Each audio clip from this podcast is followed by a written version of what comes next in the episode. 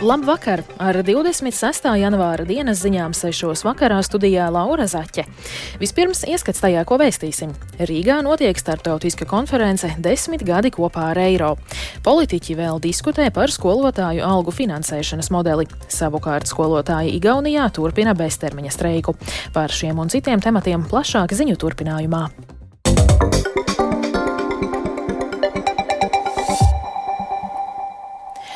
Latvija Eirozonā ir jau desmit gadu, un tas ir veicinājis Latvijas konkurētspēju, atvieglojis ceļošanu Eiropas Savienībā un vienkāršojis darījumus ar Eirozonas uzņēmumiem. Vienlaikus valsts nav darījusi pietiekami, lai veicinātu ekonomiku. Tā secināts Eiropas komisijas un Latvijas bankas rīkotajā Rīgā notiekošajā starptautiskajā konferencē Desmit gadi kopā ar eiro. Par to vairāk Jāņa Kīņša sagatavotajā ierakstā. Pievienošanās Eirozonai arī nodrošināja augstāku Latvijas kredītreitingu, kas pēc lielās finanšu krīzes noderēja investoru uzticības atgūšanai. Daļa sabiedrības pirms desmit gadiem skuma par aizējošo latu, bija arī bažas par cenu strauju pieaugumu, kas gan nepiepildījās. Tomēr iekšēji uzņēmē darbības veicināšanai vajadzētu darīt vairāk, norādīja Latvijas Universitātes biznesa vadības un ekonomikas fakultātes dekāns Gundars Bērziņš. Bērziņa vērtējumā pēdējo desmit gadu laikā ir pietrūcis ideju ekonomikas veicināšanai. Tas daļai skaidrojams ar to, ka allaž atrodas citas svarīgas prioritātes, kā veselības, izglītības pēdējā laikā, jo īpaši arī aizsardzības jomas jautājumi. Konferencē desmit gadi kopā ar Eiropu diskusijās par Eirozonas līdzšinējiem un turpmākajiem gadiem drošības un aizsardzības fonds ir neatraujams. Spēcīga valūta ir daļa no Eiropas drošības pasākumu kopuma, uzsver Eiropas komisijas priekšsēdētājs izpildu vietnieks Valdis Dombrovskis. Ņemot vērā Baltijas atrašanos līdzās agresoru valstī Krievijai, mēs redzējām eiro kā daļu no drošības barjeras un nodrošinājumu stabilai mūsu ekonomikai. Īpaši labi atceros Lietuvas augstu atbalstu eiro ieviešanai, kas notika drīz pēc Krimas nelegālās aneksijas, ko 2014. gadā veica Krievija. Tas tiešām palīdzēja koncentrēt cilvēku prātus. Eiro ir otra lielākā valūta pasaulē aiz ASV dolāra, kura daļa globālajā finanšu portfelī ir būtiski lielāka. Tomēr Eirozona pēdējos dažos gados ir pierādījusi spēju izturēt globālus triecienus, kā Covid pandēmija un sekas pēc Krievijas pilna mēroga iebrukuma Ukrainā. Eirozonas attīstība savukārt veicināma ar privātā kapitāla piesaistu un valstu integrāciju vienotā kapitāla tirgu savienībā. Tas ļautu apritē laist vairāk naudas. Turpina Latvijas Bankas prezidents Mārtiņš Kazāks, kuram piekrita arī jaunākās Eirozonas dalībvalsts dalību valsts Horvātijas valsts bankas prezidents Boris Vujčičs. Tā būtu fantastiska iespēja, ja mācēsim to izmantot. Eiropā daudz uzkrāja, bet pašlaik mums trūkst prasmju likt uzkrātajai naudai strādāt.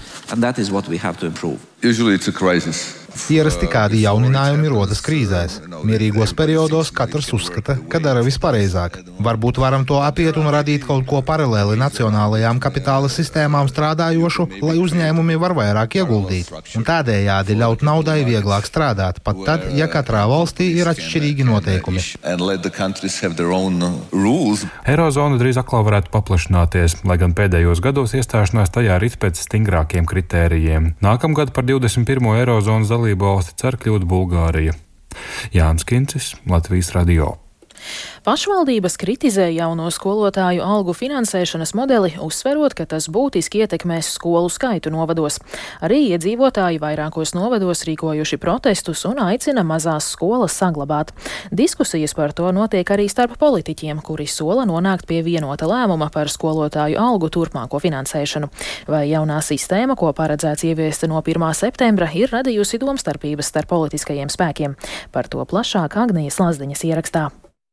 Pašlaik valsts aprēķināto naudu skolām sadala pašvaldības. Tas ļauj uz lielāku skolu rēķinu subsidēt mazākas skolas. Jaunajā modelī valsts maksās par programmām, kas izpildīs optimālu klašu lielumu kritērijus. Pašvaldības vairs nedrīkstēs pārdalīt naudu starp savām skolām, subsidējot mazākās skolas. Modelis paredz, ka skolās darba samaksu seks arī pašvaldības. Kā skaidro saimas frakcijas jaunā vienotība vadītājs Edmunds Jurēvits, jaunās sistēmas pašmērķis nav slēgt skolas, bet gan kvalitatīva izglītība izglītība. Šī koalīcija, man liekas, ir laba ar to, ka mēs arī smagus un grūtus jautājumus varam diskutēt, atšķirties viedokļi, bet tad nonākt pie jēgpilna kompromisa un virzīties uz priekšu. Izglītības, kultūras un zinātnes komisijas priekšsēdētājs Biedra Līga Kļaviņa no Zaļo un Zemnieku savienības norāda viedoklis sakrīt ar Izglītības un zinātnes ministriju jautājumā, kas skar izglītības kvalitāti un pedagoģu cienīgu atalgojumu. Taču viedokļi atšķiroties, vai šis jaunais finansējuma modelis nodrošinās lauku un reģionu attīstību un nosaks pamatizglītības pieejamību. Saimā un arī, arī pašvaldībā ik viens iestājās par kvalitatīvu izglītību. Tur nav divu domu, tāpat arī pedagogam ir nepieciešams tiešām cienīgs atalgojums un, un tie mēķi, kas ir izvirzīti, ir atbalstāmi. Es nedomāju, ka tas varētu būt um, apdraudējums šobrīd koalīcijas stabilitātei. Arī partijas progresīvie deputāte Antoņina Ņenaševa uzsver, ka pagaidām neredz, ka politika politiķu vidū par jauno sistēmu rastos domstarpības. Skaidrs, ka kaut kādas izvēles pašvaldības būs spiestas izdarīt, ja tā var teikt. Daudzas pašvaldības jau ir izdarījušas sen un sakārtojuši, piemēram, savu skolu tīklu vai ekosistēmu, Līdzīgi izsakās arī opozīcijas un izglītības kultūras un zinātnes komisijas pārstāve Ilza Indriksone no Nacionālās apvienības, uzsverot, ka jauno modeli vērtē vairāk pozitīvi nekā negatīvi. Pieņem, ka diskusijas koalīcijā noteikti būs un būs diezgan smagas. Tieši Zemnieku savienība ir tā, kas vienmēr uzsvērus, ka viņi aizstāvēs mazās lauku skolas un ka lauka attīstība ir ļoti svarīga. Līdz janvāra beigām plānots pabeigt jaunā skolotāju algu finansēšanas modeļa normatīvu izstrādi, ko sabiedriskajai apspriešanai nodos februāra sākumā. Ievies to plānots jau nākamajā mācību gadā. Agnija Lazdiņa, Latvijas radio. Rīgas valsts pirmās gimnāzijas pedagoģi vēstulē valsts augstākajām amatpersonām norāda uz rupjām kļūdām projekta Skola 2030 izstrādē. Tas satricinājis sociālo tīklu vidi. Reformu pat lūgts apturēt ar emocionālu saukli, ko reforma Skola 2030 nodarījusi matemātikas mācīšanai. Nepilnības jaunajā pieejā atzīst pat tie skolotāji, kas visam vēstulē rakstītajam nepiekrīt, stāsta Ieva Puķe. Tur ir rakstīts, ka sabiedrībā ilgstoši kultivēts viedoklis, ka projekts Skola 2030 nākotnē nodrošinās skolēniem visu nepieciešamo zināšanu, prasmi un kompetenci apjomu, lai viņi varētu turpināt veiksmīgu izglītību augstskolās. Taču šobrīd esot vilšanās sajūta, jo ir panāks gluži pretējais - veikta mērķtiecīga matemātikas izglītības līmeņa degradācija un graušana. Es šodien devos uz Rīgas pirmo ģimnāziju, tur sastapu matemātikas skolotāju Daini Krīķi. Riķi, Āju Vasiljevsku, Daci Anžāni un Marutu Avotiņu. Un izrādās, ka šī nesot pirmā vēstule ministrijai un tik emocionāla reakcija bijusi tāpēc, ka pēc pirmās vēstules, kas rakstīta jau pirms pusotra gada, mācību saturā matemātikā grozījumi nesot veikti. Pēc skolas 2030 vadlīnijām matemātiku māca jau četrus gadus, vidusskolas posmā piedāvājot trīs līmeņus - vispārējo, optimālo un augstāko. Dainis Kriķis, kurš strādā nozarē kopš 1977. gadam, stāsta, ka matemātikas pedagoģu satraukums sācies uzzinot valsts eksāmenu rezultātus vidējā jeb optimālajā līmenī. Tie bijuši tik slikti, ka šie vidusskolu beidzēji nespēja studēt augstskolās, kur vajadzīga matemātika. Turpina Dainis Kriķis. Pārāk eh, tiek izmestas dažas būtiskas tēmas no pamatskolas. Tās tiek pārceltas uz optimālo līmeni. Optimālu līmeni līdz ar to mēs eh, pārblīvējam, ka to skolēni tik veiksmīgi nevarēs apgūt, un arī neizvērtējam optimālajā līmenī, kuras tēmas ir vajadzīgas, lai varētu mācīties tālāk. Jo jārēķinās, ka neskatoties, ka skolām ir tiesības piedāvāt matemātiku mācīt optimālā augstākā līmenī, nu ne visās skolās to piedāvā. Un tad optimāla līmeņa saturam būtu jābūt noteikti tādam, lai skolēns veiksmīgi varētu arī studēt. Ieraugot šo situāciju, kas ir noticis, mēs apjēdzam, ka tā turpināt to nevar, jo tad mēs Galīgi nerēķināsimies ar tiem jauniešiem, kas mācās Latvijā, jebkurā novadā, un jebkurā novadā ir talantīgi skolēni. Valsts izglītības satura centra pārstāve Jane Veinberga norāda, ka šis ir normāls process un jauninājumus darbībā var novērtēt tikai pēc kāda laika. Šobrīd mācību saturu pārskatā arī citos mācību priekšmetos.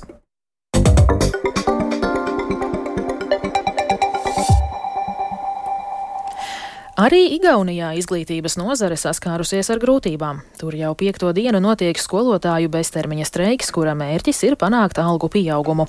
Streikā piedalās desmit tūkstoši skolotāju no vairāk nekā 300 skolām, kā arī trīs dienu solidaritātes streikā trešdien iesaistījās vēl teju 9000 pirmsskolas profesionālās un interešu izglītības iestāžu darbinieki. Turpina Rustams Šukūrovs.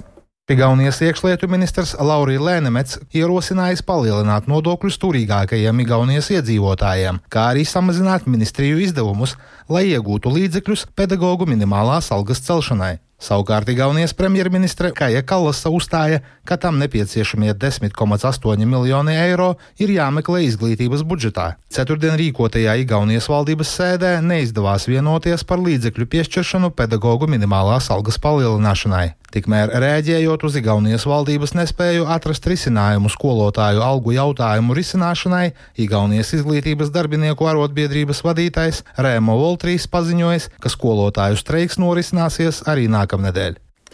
Krievija nav sniegusi ANO drošības padomē pierādījumus, ka Belgorodas apgabalā notriektajā lidmašīnā atradās Ukrāņu kara gūstekņi, kā arī noraidījusi prasības izveidot starptautisku komisiju, kas izmeklētu notikušo. Tā norādījis Ukrainas aizsardzības ministrijas galvenās izlūkošanas pārvaldes runas vīrs Andrijs Jusovs. Krievija apgalvo, ka lidmašīnā bija 65 kara gūstekņi, 6 Krievijas apkalpes locekļi un 3 Krievijas karavīri. Savukārt Kīivas rīcībā esošā informācija liecina, ka lidmašīnā varēja atrasties okupācijas spēku armijas raķetes. Turpina Rihards Plūme. ANO ģenerālsekretāra vietniece Rozmarija Dikarlo ANO drošības padomes sēdē paziņojusi, ka nav varējusi noskaidrot, vai trešdien Belgorodas apgabalā avarējušajā Krievijas transporta lidmašīnā Il-76 bija Ukraiņu kara gūstekņi. Viņa piebilda, ka Ukraina ir aicinājusi veikt starptautisku notikušās avārijas izmeklēšanu. Savukārt Ukrainas vēstnieka ANO vietniece Kristīna Hajovšina uzsvērusi, ja apstiprināsies informācija, ka lidmašīnā atradās Ukraiņu kara gūstekņi, tas būs nopietns starptautisko humāno tiesību pārkāpums no Krievijas puses. Vairākās Eiropas valstīs notiek lauksaimnieku protesti. Tie turpinās Francijā, Polijā un citviet, bet pierimuši ir Lietuvā un Vācijā.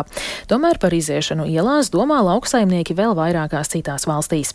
Latvijas zemnieku saimas vadītājs Juris Lazdiņš sacīja, ka zemnieku nemierus izraisa neskaidrības ar jauno plānošanas periodu un novēlotu kopējā Eiropas Savienības budžeta pieņemšanu. Lauksaimnieki pirmo gadu strādā ar jaunajiem Eiropas nosacījumiem, bet tie neatbilst šī brīža ģeopolitiskajai situācijai. Arī mūsu zemnieki jau rudenī izvirzījuši prasības zemkopības ministrijai un draud rīkoties, ja viņus neuzklausīs.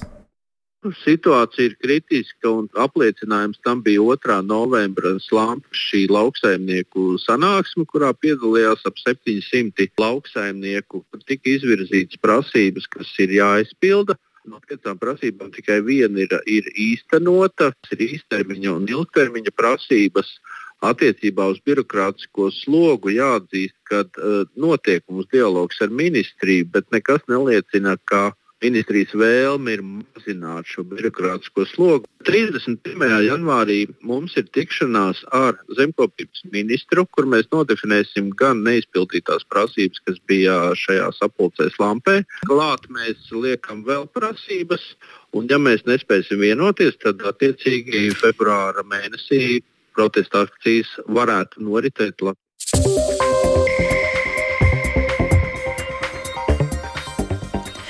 Ar to arī izskan 26. janvāra dienas ziņas. Producente Vija Bremse ierakstus montēja Kaspars Groskops, pieskaņu pults Ernests Valds Fjodorovs, bet studijā Laura Zaķe. Vēl tikai par svarīgāko. Rīgā notiek starptautiskā konference Desmit gadi kopā ar eiro. Politiķi vēl diskutēs par skolotāju algu finansēšanas modeli. Savukārt skolotāji Igaunijā turpina beztermiņa streiku. Un par laikapstākļiem. Yeah.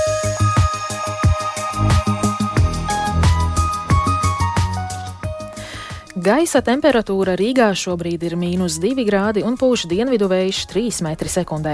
Atmosfēras spiediens ir 766 mm, bet relatīvais gaisa mitrums - 79%. Bet par to, kādi laikapstākļi gaidāmi turpmākajās dienās, pastāstīs sinoptiķe Ilze Golubeva. Brīvdienās debesis pārsvarā aizklās mākoņi, tomēr sniegu tie atnesīs tikai dažviet. Nakts stundās gaisa temperatūra pazemināsies līdz 0,6 grādiem. Vienīgi svētdienas naktī valsts austrumos termometrs stabiņš noslīdēs pat līdz mīnus 9 grādu atzīmē. Sestdien dienā savukārt mīnus 2 plus 2 grādi, bet svētdien jau mīnus 1 plus 4 grādi. Arī jaunadēļ gaisa temperatūra lielākoties būs 0 plus 5 grādu robežās, vienīgi atsevišķās naktīs tā nedaudz pazemināsies zem 0 nulles. Nedēļas sākumā nokrišņu būs maz, bet būtīs brāzmains vējš.